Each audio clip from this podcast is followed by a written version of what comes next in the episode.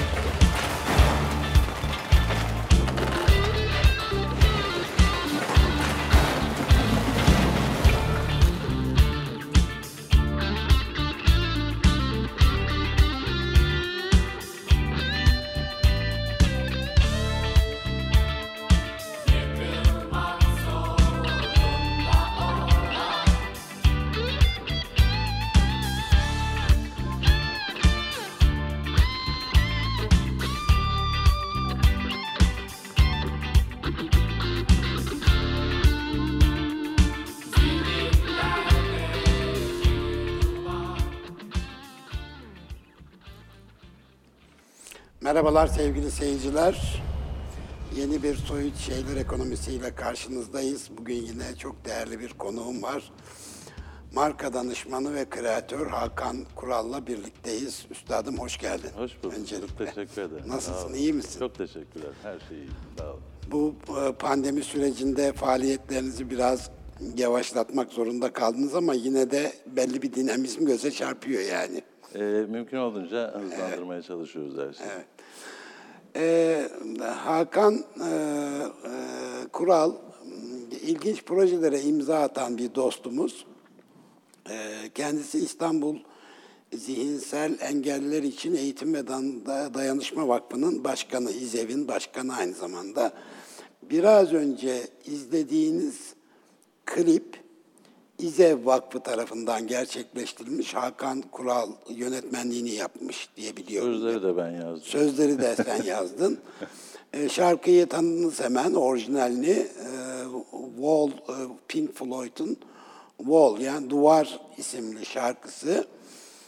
E, bunun bestecisi Roger Water mıydı? Roger Waters, Pink Floyd. Roger Water e, İzev için bunu bedelsiz olarak besteyi Evet. kullanmak üzere Evet. veriyor e, İzev'e. İzev de farkındalık amaçlı böyle bir klip yapıyor. Ben çok başarılı buldum. Çok güzel gerçekten. Zaten İzev'in yıkılmak zorunda olan zihinlerdeki duvar diye bir mottosu var. Evet, hala devam Çok ediyor. da anlamlı olmuş. Gerçi Pink Floyd'un duvarı da anlamlı yani. Aynen, O da eğitim sistemine karşı bir protest bir tavır. Ee, burada da e, zihinsel engellerle ilgili zihnimizdeki duvarı yıkmak üzere yapılmış bir e, klip. Ee, tanıdık isimler de şarkıyı seslendirmişler aynı zamanda. Yine öğretmen rolünde de tanıdık bir isim var. Yavuz Dizdar, Selda Bağcan, Koray Avcı, Funda Arar, Kubat çok yürekten desteklediler. Bu 7 milyon e, izlendi galiba. 7 milyon civarında ama erişim olarak 80 milyon civarında bir e, erişime Evet, ulaştı. 80 milyon erişimi olan e, bir klip. E, ilk e, yayınlandığı zamanlarda da epeyce bir ilgi gördü gerçekten. Evet. E, benim de dikkatimi çekmişti o zamanlar. Şimdi e, üstadım böyle sosyal sorumluluk e, projelerine imza atan bir kreatör. Aynı zamanda e, bir de e, e, Kids and Gourmet adlı bir portalı var.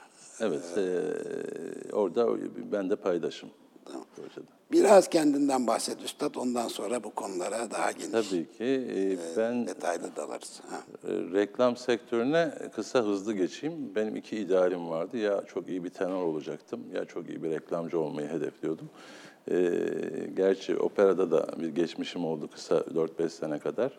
E, grafiker olarak başladım ben sektöre.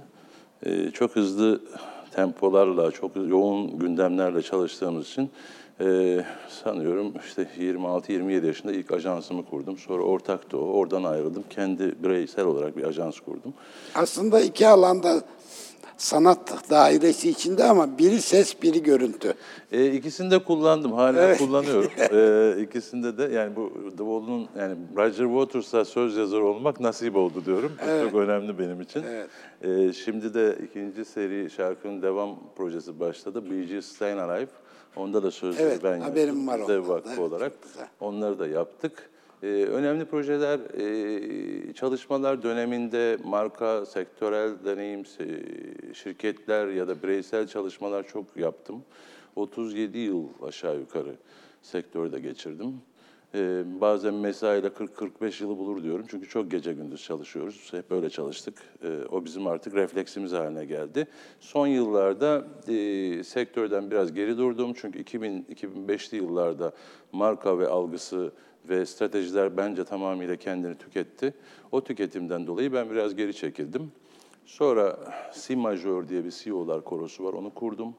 Ee, onun kurucusu da benim. Şu anda aktif değilim orada ama halen devam ediyor. Sosyal fayda amaçlıydı. Sonra İzev Vakfı ile tanıştım, gönüllü oldum.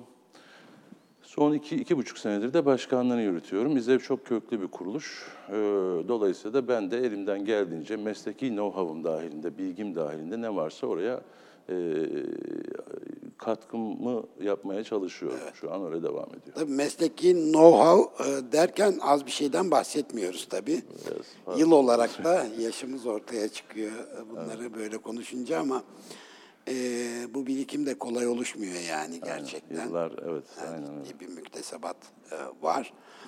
E, bir iletişimcinin e, sonuçta bir reklamcının bir e, sosyal vakfa el atması sonucu ortaya neler çıkacağını da gösteren önemli bir örnek. Enteresan aslında şeyler yapıyoruz aslında. Evet, gerçekten Enteresan şeyler enteresan şeyler yapıyorsun. Muhteşem işler yapıyorsun aslında, çok güzel. Ee, tabii zihinsel engelliler ee, diğer hani görme engelliler, işitme engelliler gibi değil. Aslında çok bambaşka bir kategori. Aslında topluma emanet onlar bir taraftan baktığında. Ee, her birinin tabii farklı farklı engellilik durumları var. Özellikleri var. Evet, hepsi aynı. özellikleri var. Aslında eee, bazı konularda bazı engelleri olmakla beraber bazı konularda da zihinleri son derece açık olabiliyor. Öyle olduğunda da özel ilgi gerektiriyor. Tabii ki. Öyle değil mi? Tabii. Şimdi eee, son zamanlarda burada daha önce başka iletişimci, marka danışman arkadaşlarla da bunun sohbetini yaptık. Eee, özellikle pandeminin eee, hepimizi bunalttığı bir ortamda eee, brand purpose eee, kavramı daha çok eee, duyulmaya, konuşulmaya başlandı, üstünde yazılmaya başlandı. Yani anlam yaratan, fayda üreten, Değer amacı katan. olan, Aynen. evet değer katan, toplumla daha eee, daha sıcak temas içinde olan eee, markalar eee, daha çok konuşulmaya başlandı. Sadece konuşmaktan da ibaret değil do- doğrusunu istersen. Eee tabii sonuçta böyle marka örneklerini de görmeye başladık Evet, biz. Ee, özellikle yurt dışında mesela bir e, marka var ki e, bu bir giyim markası. E, aktivist bir marka. Aynen, aynen. Ee, emsaller çıkıyor. Bayağı bir emsal olmaya başladı. Yani biz gezegenimizi kurtarmak için varız diyor adam direkt. Yani bu misyona sahip değilsen de bu pantolonu alma diyor. Evet. Ee, böyle e, marka adı veremiyoruz ama araştırıldığında e, bulunabilir yani sonuç itibariyle internette. Buna benzer yani bu bir örnek. Başka daha köklü markalar da bu yönde adımlar atıyor filan. E, Valla sen de e, e, böyle bir açılım sağlıyorsun. Ben e, onu görüyorum. Ne diyeceksin bu konuda? Oradaki kavram şöyle, e, aslında yurt dışında 2002-2005 yılları arasında başlayan bir hareket bu. E, Türkiye'de maalesef ki iki tane line'a ayrılıyor sosyal marka kavramı. Ben 4 senedir sosyal marka üzerine çok yo- yoğun çalışmalar içindeyim. Ve önümüzdeki sene pandemi olmasaydı pandemi sürecinde çıkacaktı. Üç tane sosyal markamız çıkıyor bizim.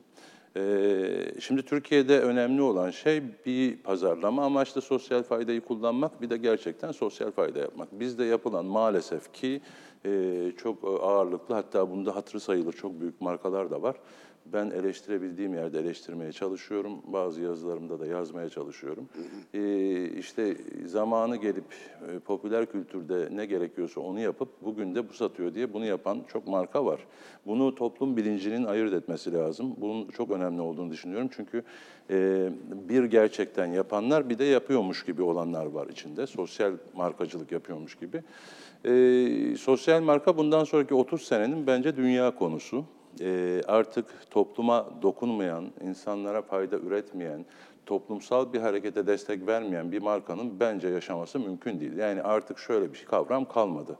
X marka çok iyiymiş, işte şu kişi de bunu giyiyormuş, ben de onu giyeyim falan gibi bir kavram bence önümüzdeki 30 sene içinde bitecek. Önümüzdeki 30 yılın, 40 yılın gündemi bence sosyal marka kavramı. Tükettik artık biz bildiğimiz marka kavramını bitirdik yani. Her türlü argümanı e, kullandık. E, zehirleyen deterjanı çok iyi diye sattık. Sağlığa zararlı yoğurdu çok sağlıklı diye sattık. Ve bundan dolayı da ben artık biraz da protest duruyorum burada. Çok da katı tavırlar gösteriyorum. Çünkü o markalar e, zehirleyen ürünü harika diye satarak topluma zarar verdiler. Artık bu geçerli değil. Bence büyük market zincirlerinin de önümüzdeki yıllarda bu ürünlere dikkat edip onları alıyor olması ve onları müşteriye sunuyor olmasının çok önemli düşünü- olduğunu düşünüyorum. Ee, şimdi ma- markete gidiyorsunuz işte doğal yoğurt yok işte organik yoğurt falan gibi organik ürün gibi bir sürü ürün çıkmaya başladı. Bunların bazısı gerçekten öyle bazısı mış gibi yapıyor. Bu çok acı ama önümüzdeki dönemde bunu doğru yapan firmalar ya da markalar başka bir yere evrilecekler. Çünkü toplum bilinci öyle bir noktaya geldi ki artık topluma dokunmayan işler, kendim de ben e, kişisel olarak da o noktaya geldim. Bundan sonra ben öyle bir markanın pazarlamasını yapmayacağım kararını ben 7 sene, 5 sene önce almıştım.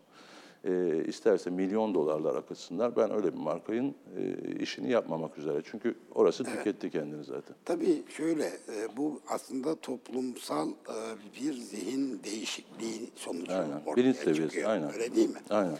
E, Bir bilinç oluşuyor, tamam. e, e, Evet ama sonuçta e, e, insanlar da hangisinin samimi, hangisinin sahte olduğunu ayırt etme noktasında sıkıntılar yaşayabilirler. O nedenle belki kamu otoritesinin de bu zihinsel dönüşüme ayak uydurup e, daha sıkı denetim mekanizmalarıyla bunu şey yapması lazım. Ama bu bir arz talep lazım. meselesi çok önemli. Ee, tüketici bunu talep ederse zaten buradan Bu da dolayı oluşur. e, bu mecburi oluşacak bir şey. Yani biz e, şimdi yürüttüğümüz çalışmalarda ben e, örnek olarak 3 senedir e, çalıştığımız markalarda 3 tane özel gereksinimli bireyimiz var. Onların adına çıkarttığımız markalar var. Ee, Bir tanesi parfüm markası. O parfümün e, olabilecek en doğru üretim şekliyle insanlara zarar vermeyen, katkı maddesi olmayan ya da benzeri ürünlerle üretilmesine özen gösteriyoruz. Burada önemli olan şey şu, bir algı olarak da e, işlenmesi gereken bir konu var. Benim hep söylediğim bir şey, biz yıllarca toplumda sosyal fayda diye yemekler yaptık, toplantılar yaptık. Ee, Bir takım konser biletlerini satın aldık fakat çocukları hiç görmedik. Hayatımızda onlar yok. Bir engelli kavramı ya da bir işte özel gereksinim birey kavramımız var bizim ama hayatımızın içine hiç sokmuyoruz onları. Ee, daha önce bunun örneklerini yaşadım ben. Ee, biz biraz bırakalım da onlar o konserlere gitsinler. Onlar yardım yemeklerinin yemeklerini yesinler. Üstüne de destek yapıyorsak ne ala diye bakıyorum ben. Çok önemli de buluyorum. Evet. Belki o gelişimlerde e, çok fazla mahkum edilmemeli diye düşünüyorum. Ben niye? Sonuçta o da bir farkındalık yaratabiliyor diye. e, Çok haklısınız. Çok Anlamak haklısınız. lazım. Ama bir eşik var, o eşiği geçtik artık. Yani Ha, orada kalmamalı. Yani bunlar tabii ki bir evrimin parçası bence. Ama buradan geldik artık buraya sıçraması gerekiyor. Ee, dolayısıyla o eşiği kırmak gerekiyor. yıkılmak Yani şunda olan- çok haklısın. Bunu kabul ediyorum. Sosyal fayda projelerinin arkasında gerçekten o içtenliği e, bizim hissediyor olmamız lazım. Yoksa e, sıradan bir PR faaliyeti olarak kalıyor. Zaten onların etkisi de gerçekten beklendiği kadar olmuyor. Çünkü o e, samimiyeti, içtenliği e, muhatabının e, çok iyi hissetmesi lazım. Bu bir PR faaliyeti olarak kaldığında o o şekilde hissedilmeye biliyor da. Maalesef. Zaten şu anda e, biz anlam e, anlam yaratan marka ya da fayda yaratan marka dediğimizde artık e, külliyen e, bunu e, kendine misyon edilmiş markalardan söz ediyoruz. Yoksa zaten gofret üretirken bir taraftan da şöyle bir sosyal fayda üreteyim e, şeklinde değil bu Aynen. ye- yeni anlayış. Aynen, aynen. E, peki e, sizin e, bir parfüm markasından bahsettin. E, yeni bir marka. Yeni bir marka, bir parfüm markası. Bizim oradaki amacımız e, Down sendromlu bir gencimizin marka yüzü olacağı. Diğer e, markamız da öyle bir e, aksesuar, iki tane aksesuar markası yapıyoruz. Onlarda da onların marka yüzü olarak, marka yüzü olmakla gelir elde edeceği ve hayatını öyle idame ettirecek bir ekonomik koşula geleceği bir marka üretmek. Yani burada e, çift taraflı bir sosyal fayda var. Bir birey olarak, e, engelli olarak tanımlanan bir bireyin toplumsal e, iş alanlarından birinde kendine yer bulması, milyonlarca özel gereksinim bireye de örnek olacak ve umut verecek bir şey bu. Aynı zamanda da toplumun o ürünü tercih ediyor olmasının ben çok önemli bir farkındalık olacağını düşünüyorum. Yani bugün bildiğimiz e, onlarca parfüm markası varken o parfümü seçip o, o gencin parfümünü kullanıyor olmak bizim tenimize de dokunacağı için en içsel alanımıza girecek diye düşünüyorum. Evet. Bunu da çok e, miladi bir e, dönem olarak görüyorum açıkçası. Peki şimdi burada tabii şu, bir nüans var. Yani orada o gencin de bir şekilde bir ticari ürün için araçsallaştırılması gibi bir fotoğraf karşımıza eee, çıkmıyor değil.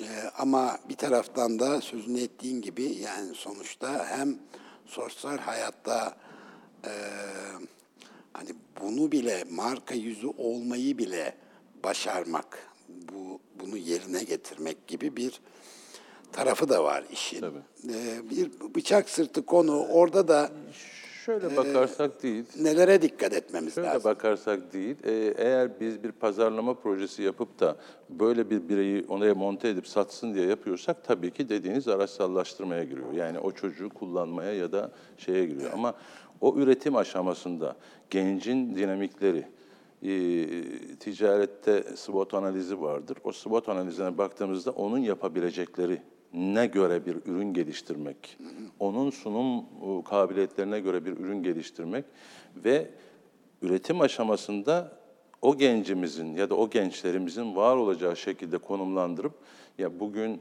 e, iş yerlerine baktığımız zaman işte kontenjanla özel gereksinimli bireyler işe alınıyor.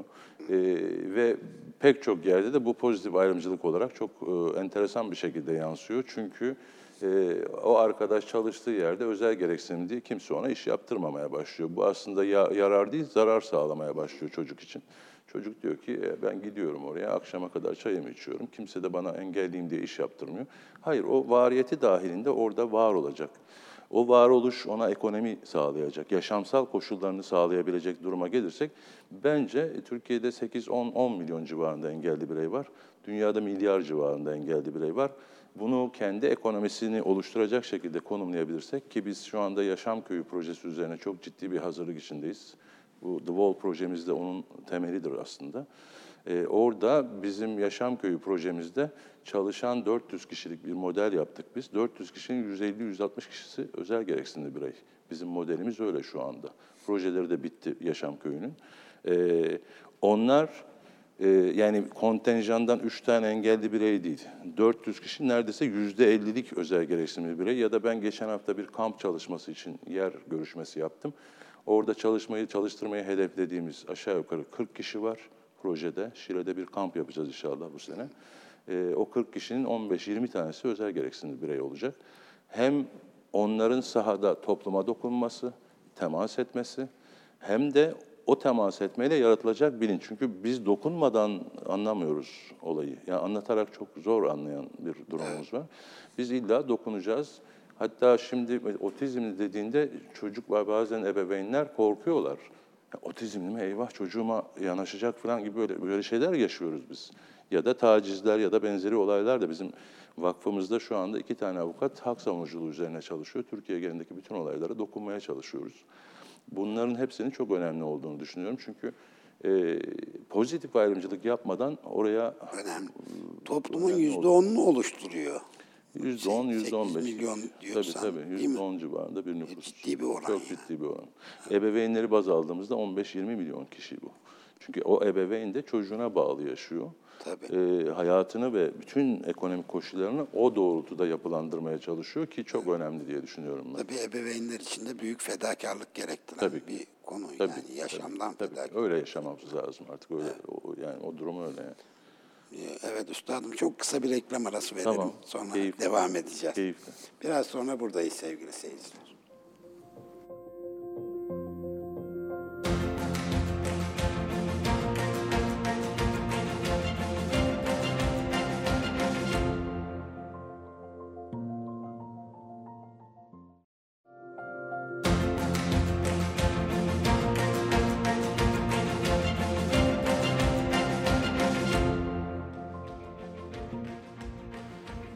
Tekrar merhabalar e, sevgili seyirciler.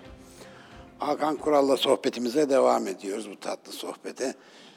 Ee, şeyi biraz hızlı geçtik. Bu e, Vol'u e, biraz hızlı geçtik. Hikayesi nasıl gelişti? Aslında dikkatimi çeken konu e, o bu vakada şu. Bir ortak hassasiyet dünyanın en profesyonel bestekarlarından birini bile Aynen. değil mi? Kendisinin ke- kendi ülkesinden çok uzak bir ülkede. Aynen. Yani Türkiye'de yapılan bir sosyal sorumluluk faaliyetine destek vermeye yöneltiyor. Evet. Yani insanları bu or- ortak hassasiyetler birleştiriyor. Mesafeleri Kesinlikle, kapatıyor. kesinlikle. Bu önemli bir şey. Ben hikayeyi biraz merak ediyorum. Nasıl oldu? Mesela Roger e, Water Hikaye aslında ilk tepkisi ne oldu filan? şöyle hikaye. e, Ben yıllardır marka işi yaparken de her markaya ulaşılabileceğiniz en büyük hayali koyun derim. Yani bunu da hep anlatırım yani 10 milyon cirosu olan, hedefi olan bir firmaya 100 milyon ciroyu hedefleyin derim. Çünkü onun kötüsü zaten 10 milyon olur. 10 milyon ciro hedefi olan bir bakış açısının da kötüsü 1 milyon cirosu olur diye bakarım. Ee, biz e, tabii Türkiye'den İZEV Vakfı olarak böyle bir hayali kurduğumuzda bir şarkımız olsun ama o şarkı da öyle bir olsun ki önce hedefi tanımladık. Öyle bir olsun ki dedik dünyanın en ünlü şarkılarından olsun. Ee, protest bir şarkı olsun. Ee, bizim söylemimizi yansıtacak bir şarkı olsun. Şimdi Gees de aynı şekilde şu anda hedeflediğimiz şeyi yapıyoruz orada da. Bir şarkı olsun. Ee, burada da şimdi ulaşılabilecek en üst hedeflerde bir, birkaç isim var zaten. Yani Michael Jackson'ın bir şarkısı vardı gündemimizde ama The Wall tam e, yayınlandığı yıllarda da e, eğitim sistemine protest bir duruşla çok ciddi bir e, Konsept olarak da oturmuş Müthiş, çok. ha. müthişti. Dedik ki en iyisi duval olur. Ee, biz o hikayede yani o kadar çok inandık ki, o kadar onu besleyen dosyalar ve içerikleri çok e, iyi tanımladık ve ne yapabileceksek onu yazmaya çalıştık. Hayal ettiğimiz her şeyi döktük dosyamıza. Ee, Nur Turan Hanım, Zeppelin edisyon. Ee, Nur Hanım e, Türkiye'deki hakları temsil ediyor. Sağ olsun o ilk önce dedik ya Hakan Bey, Merve Hanım siz e, başka bir şarkı seçin. Yani bu olabilecek en uç istemişsiniz. Biz dedik ki biz bunu istiyoruz. Ama dedi bir senede beklersiniz, iki senede beklersiniz. Olsun biz bekleriz dedik ya. Biz e, dosyamız, her şeyimizi tamam yapalım, biz bekleriz dedik. Orada tabii söylem olarak da yani Roger Waters bugün işte İngiltere'de oluyor, dört ay sonra Amerika'da oluyor, beş ay ava gidiyor falan gibi böyle bir sürü şey var. Gündem çok yoğun. Biz dedik bekleriz. Bütün dosyalarımızı hazırladık. Ee, dört ay kadar sonra e, Roger Waters da bu tür projelerdeki bebeği gibi olan bir şarkı dosyayı kendi inceliyor. Yani e- elemanları ya da ekipler incelemiyor. Direkt kendisi incelediği bir gün telefonum çaldı benim. İki gün içinde sözleri yazmanız gerekiyor dediler. Çünkü Roger Waters dosyayı inceliyor, sözleri görmek istedi dediler. Ee, ben konunun çok içinde olduğum için zaten söylemin ne olması gerektiğini de kendimce bildiğimi düşündüğüm için yıkılmak zorunda olan zihinlerdeki duvar yaşam hakkı istiyoruz bize dur diyenlerden gibi o sözleri böyle bir, bir buçuk gece sabahlayarak yazdım. Hemen gönderdim, hemen onaylandı. Ee, tabii ondan sonra ayrı bir e, hengame başladı. E, Roger Waters gibi dünyanın en büyük prodüksiyonlarını yapan Pink Floyd gibi bir gruba klip beğendireceksiniz yani. Yani. E, ve bizim bütçemiz yoktu. Biz onu da e, olabilecek en e, uygun şekilde e, Türkiye'den yine bir havalimanında desteğini alarak klibi oluşturmaya başladık. E, tabii ne e, büyük onur ki işte hemen onaylandı. Klip çok beğenildi. Roger Waters tarafından da çok beğenildi. E, ondan sonra hemen yayına çıktık. E, Şu anda Türkiye'deki en çok ödül alan sosyal sorumluluk projesi olma ünvanına sahip projemiz. 16 ödül aldık. Türkiye'den çok Dünyadan. aldık. Dünyadan e, Amerika Mercury Awards'ta benim çok gurur duyduğum bir ödül. E, en iyi sosyal sorumluluk, en iyi event ve son kategoride e, 60 dünya markası kalmıştı. Dünya markası diyorum çok önemli bizim için. Dünya markalarının içinde biz İZEV Vakfı olarak bu projemizde yer alıyorduk ve karşımızda milyon milyon dolarlık projeler vardı. Bunda bildik çok marka var içinde. 60 dünya markasının içinde biz İZEV olarak yer aldık ve tek onur ödülünü aldık. Bunu da ülkemize kazandırdık diye düşünüyorum. E, Stevie Awards'ta e, Avrupa'nın en iyi sosyal sorumluluk projesi ödülünü 4000 proje arasında aldık. Türkiye'de tabii bu ödüller çok fazla bilinmiyor ama biz bu vesileyle şimdi Amerika'da sergiler yapmak üzere yola çıkacağız. Pandemi biraz engelledi. Nisan ayında İtalya'da sergi yapacaktık ve önemli bir sergi yapacaktık. Ee, Floransa'da e, klibi de sokaklarda canlandıracaktık. Ha, evet öyle bir projeniz Evet evet onlar da vardı. Pandemi sebebiyle hep ertelendi. Eylül ayında Empire State Maratonu'na gideceğiz. Bu ödüller bize oranın kapılarını açtı. Ee, bunu da hedefimiz Türkiye adına bir sosyal sorumluluk markası olarak kullanmak için girişimlerimiz sürüyor. Valla dünyanın en iyi müzisyeninin be- bestesini alıyorsunuz. Ee, ve hem Türkçe sözlerle yeniden seslendiriyorsunuz. Türkiye'nin e, ünlü isimleri seslendiriyor. Orada Bir de- çok risk içeren korktuğum bir şey vardı. Bu kadar büyük bir eseri Türkçe söz yazıp da sakir durması çok korktuğumuz bir şeydi ama onu da açtık Evet sanıyorum. hiç sakil durmamış. Hayır, çok. Ben çok başarılı bulduğum bir proje Sağ olun. gerçekten. Ee, ve sonuçta e, müzisyeni ikna ediyorsunuz. Hem sözleri beğendiriyorsunuz, hem klibi beğendiriyorsunuz. Ee, ve aslında bu kliple, bunun İngilizcesini yaptınız mı? Yok ama yeni gündemde olacak, Evet, yapacağız.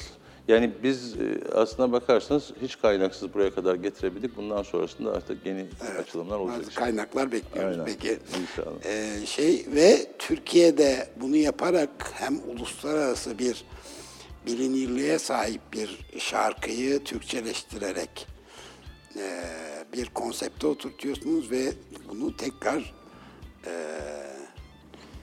dünyaya açmış oluyorsunuz. Yani aslında Türkiye'den uluslararası bir e, şöhrete sahip bir e, şarkıyla e, onu yeniden ya inşa ederek aslında bir şekilde tekrar bir şekilde Türkiye'yi dünyaya açmış oluyorsunuz. Bu ödüller de aslında buna işaret ediyor yani. Şöyle çok önemli olduğunu düşünüyorum. Türkiye'nin ülkemizin markalaşması adına tabii ki ben bunu biraz şey tanımlıyorum. Yani bu ahtapotun kolları gibi her kol aynı orkestra sound'una göre çalışması lazım. Türkiye'den e, markalaşma adına bizim çok stratejik içerikler üretmemiz gerekiyor. Biz kendi adımıza bu e, sergileri Miami'de yaptık mesela bir sergi biz. Olay oldu yani Miami'de National Geographic'in fotoğrafçıları sağ olsunlar Hani e, fotoğraf sergimiz de var çünkü bunun altında. E, bizi öyle böyle yere göğe koyamadılar orada. E, yurt dışında çok önemli tepkiler alıyor. Şu anda bizim sanat ve biz projemiz var. Dünyanın en ünlü eserlerine 12 tane Rembrandt, Leonardo da Vinci eserine biz gençlerimizin yüzünü yerleştirdik. Şu anda da İstanbul'da 220 billboardda sanat ve biz görsellerimiz var. E, bu tabii şunu sağlıyor. Türkiye'nin sosyal sorumluluk alanında geldiği noktayı biraz göstermek adına, Türkiye'nin e, yurt dışındaki durumu ifade etmek adına çok önemli. Berlin'e gitmiştik daha önce özel gereksinimli okullarını gezmeye. Orada biz bu referansları insanlar e, duyunca böyle masalarından hoplayanlar falan oldu yani. Hani hakikaten e, aşırı e, şaşkın tepkilerle karşılaştık. E, Türkiye'nin bu e, markalaşması adına bu duruşlara çok ihtiyacı olduğunu düşünüyorum ben. Şimdi Bee Gees Stayin' Alive şarkısını yaptık. Evet. Fark Band diye bir pop grubu kurduk. Beş tane gencimiz bir pop grubu oluşturdu ve şarkıyı onlar seslendiriyorlar. Ben o şarkıyla e, dünyada şimdi yeni bir açılım yapı, yapacağımızı düşünüyorum. Çünkü bizim Fark Band pop grubu dünyada ilk defa popüler müzikte bu kadar iddialı bir grup olacağını düşünüyorum. Kendi şarkılarını da yapıyorlar ve pek çok dünya starı ya da ülkemiz starıyla düet yapacaklar diye düşünüyorum. Bunun da toplumsal algıyı çok ciddi etkileyeceğini düşünüyorum. Yani bir pop grubunun hayranlarının olması, onların kendi kitlesini oluşturmasının ciddi bir farkındalık ve e, özel gereksinimli bireyler için de büyük bir umut olacağını düşünüyorum. Yani muhteşem bir şey. Söyleyecek İnşallah yapacağız. Gerçekten öyle. Ee, şimdi belki e, bugün itibariyle açıklanması erken olacak. Başka buna benzer muhteşem projelerinizi de duyuyorum.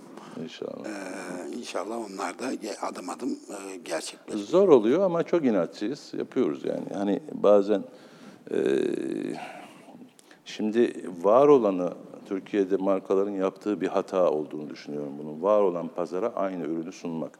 Bu AVM'ler için de geçerli, otel zincirleri için de geçerli. Hep aynı şeyi satmaya başlıyoruz biz.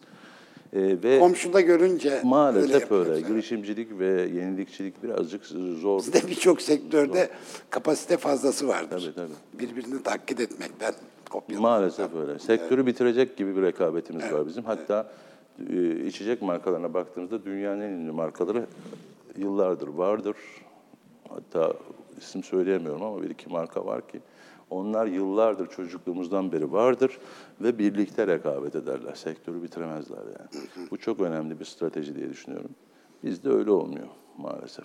O bilinç biraz süre gerektiriyor. Peki bize e, biraz kapısını açmış olduk. Türkiye'nin dünyada markalaşmasıyla ilgili o konuda da görüşlerin olduğunu biliyorum. Ee, Neler söyleyebiliriz? Efendim orada benim çok e, kendimce iddialı şeylerim var. E, ben 2000 yılında bodrumguide.com diye bir online portal açmıştım. Bu o zaman e, şu anki rezervasyon sitelerinin emaresi yoktu. O online portalı kendi imkanlarımla açmıştım ve kimse desteklemedi. Yani Bodrum yerel yönetimi dahil yani benzeri benzeri kimse çünkü ya nasıl yapacağız Hakan Bey onu falan dediler. Ben bir sürü şeyi kendim yapıp da Bodrum'a da hani faydası olacağını düşündüm ki Bodrum bence dünyanın en ünlü işte şu anda Nice'i sayarsak, Kan'ı sayarsak bence öyle bir yerdir. Fakat işlenememiş bir yerdir. Ee, bir kere lokal bazda yerel yönetimlerin önemi çok fazla fakat öyle bakan yani global marka anlayışıyla bakan kimse yok. Sen bakıyorsan ve bunu anlatıyorsan oradan birisi karar verici diyor ki evet bu adamla çalışalım diyor mesela. Fakat acı bir şey ama yanındaki adam diyor ki ya bu adam diyor işte saçı uzun. Ee, biz bununla çalışmayalım. Bizim X şahısı getirelim diyor.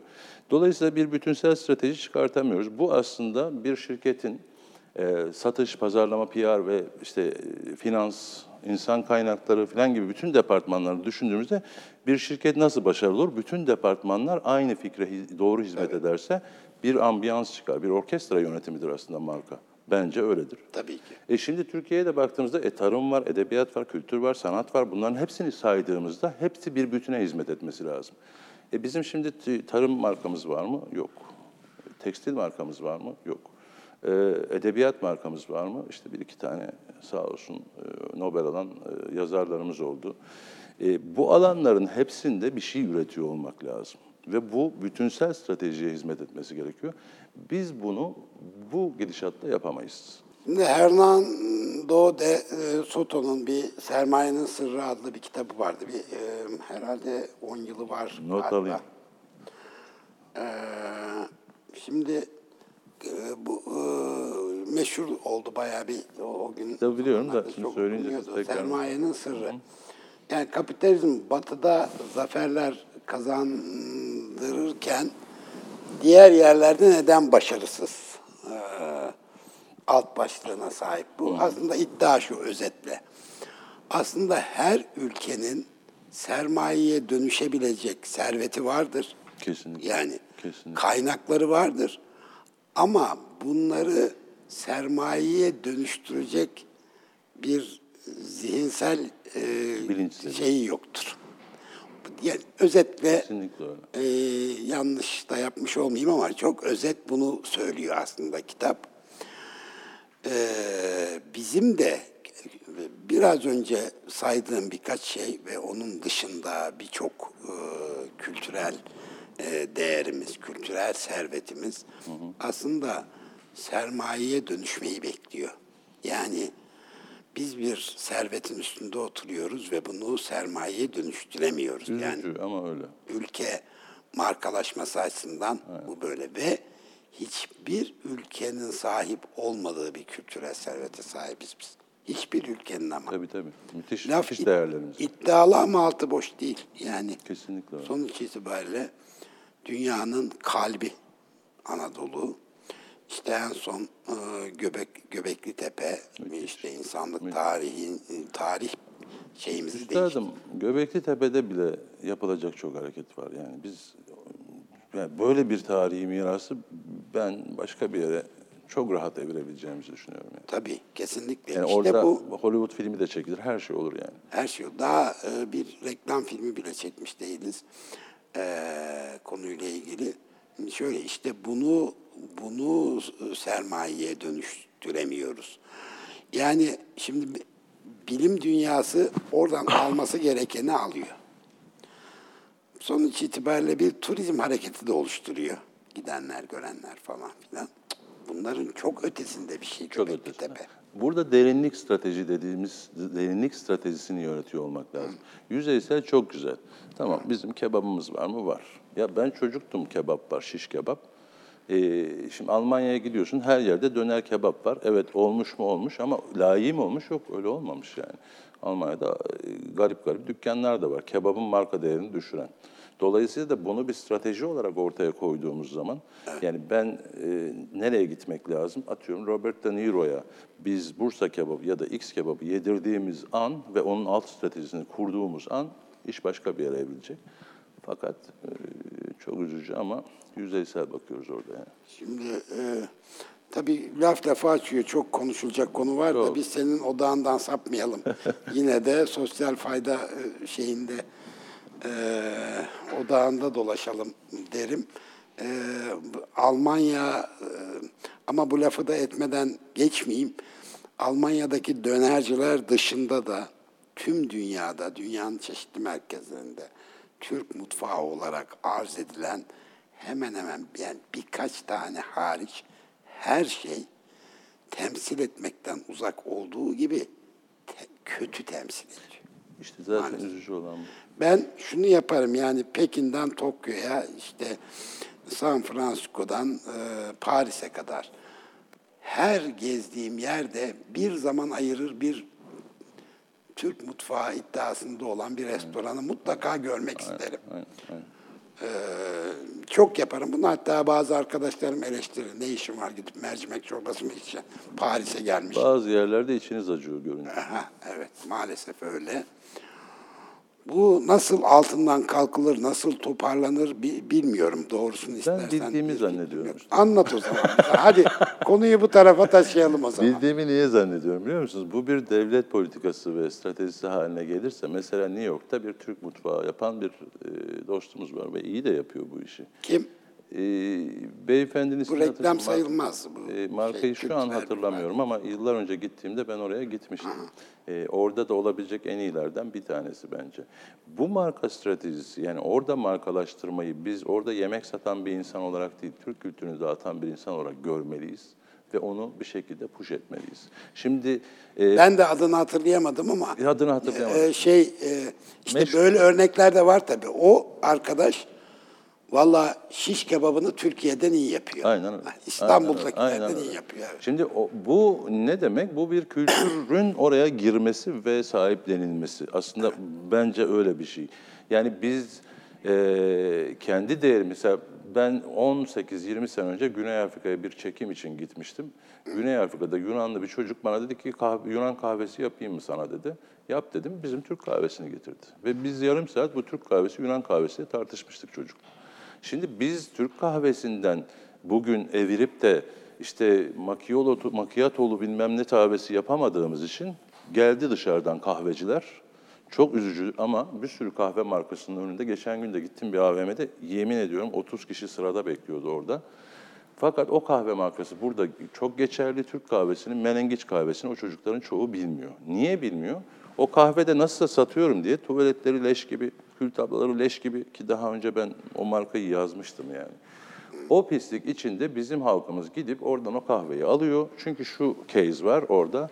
Şöyle geziyoruz ya biz sokakta. O çok keyifli bir şey. Çok önemli bir şey bizim için. Hani o markayı taşıyarak geziyoruz. Çünkü popüler kültüre biz de varız diyoruz. Evet. Aslında biz öbür tarafa evrilmesi gereken bir durumda olmamız gerekiyor. Yani bizim Türk kahvesini kendi özünü bozmadan öyle bir yere taşıyıp öyle bir açılım yapmamız lazım ki gençlik orada kuyruk olmalı ve bunu sağlayacak stratejiyi biz gerekirse e, hükümet, devlet desteğiyle yapıyor olmamız lazım.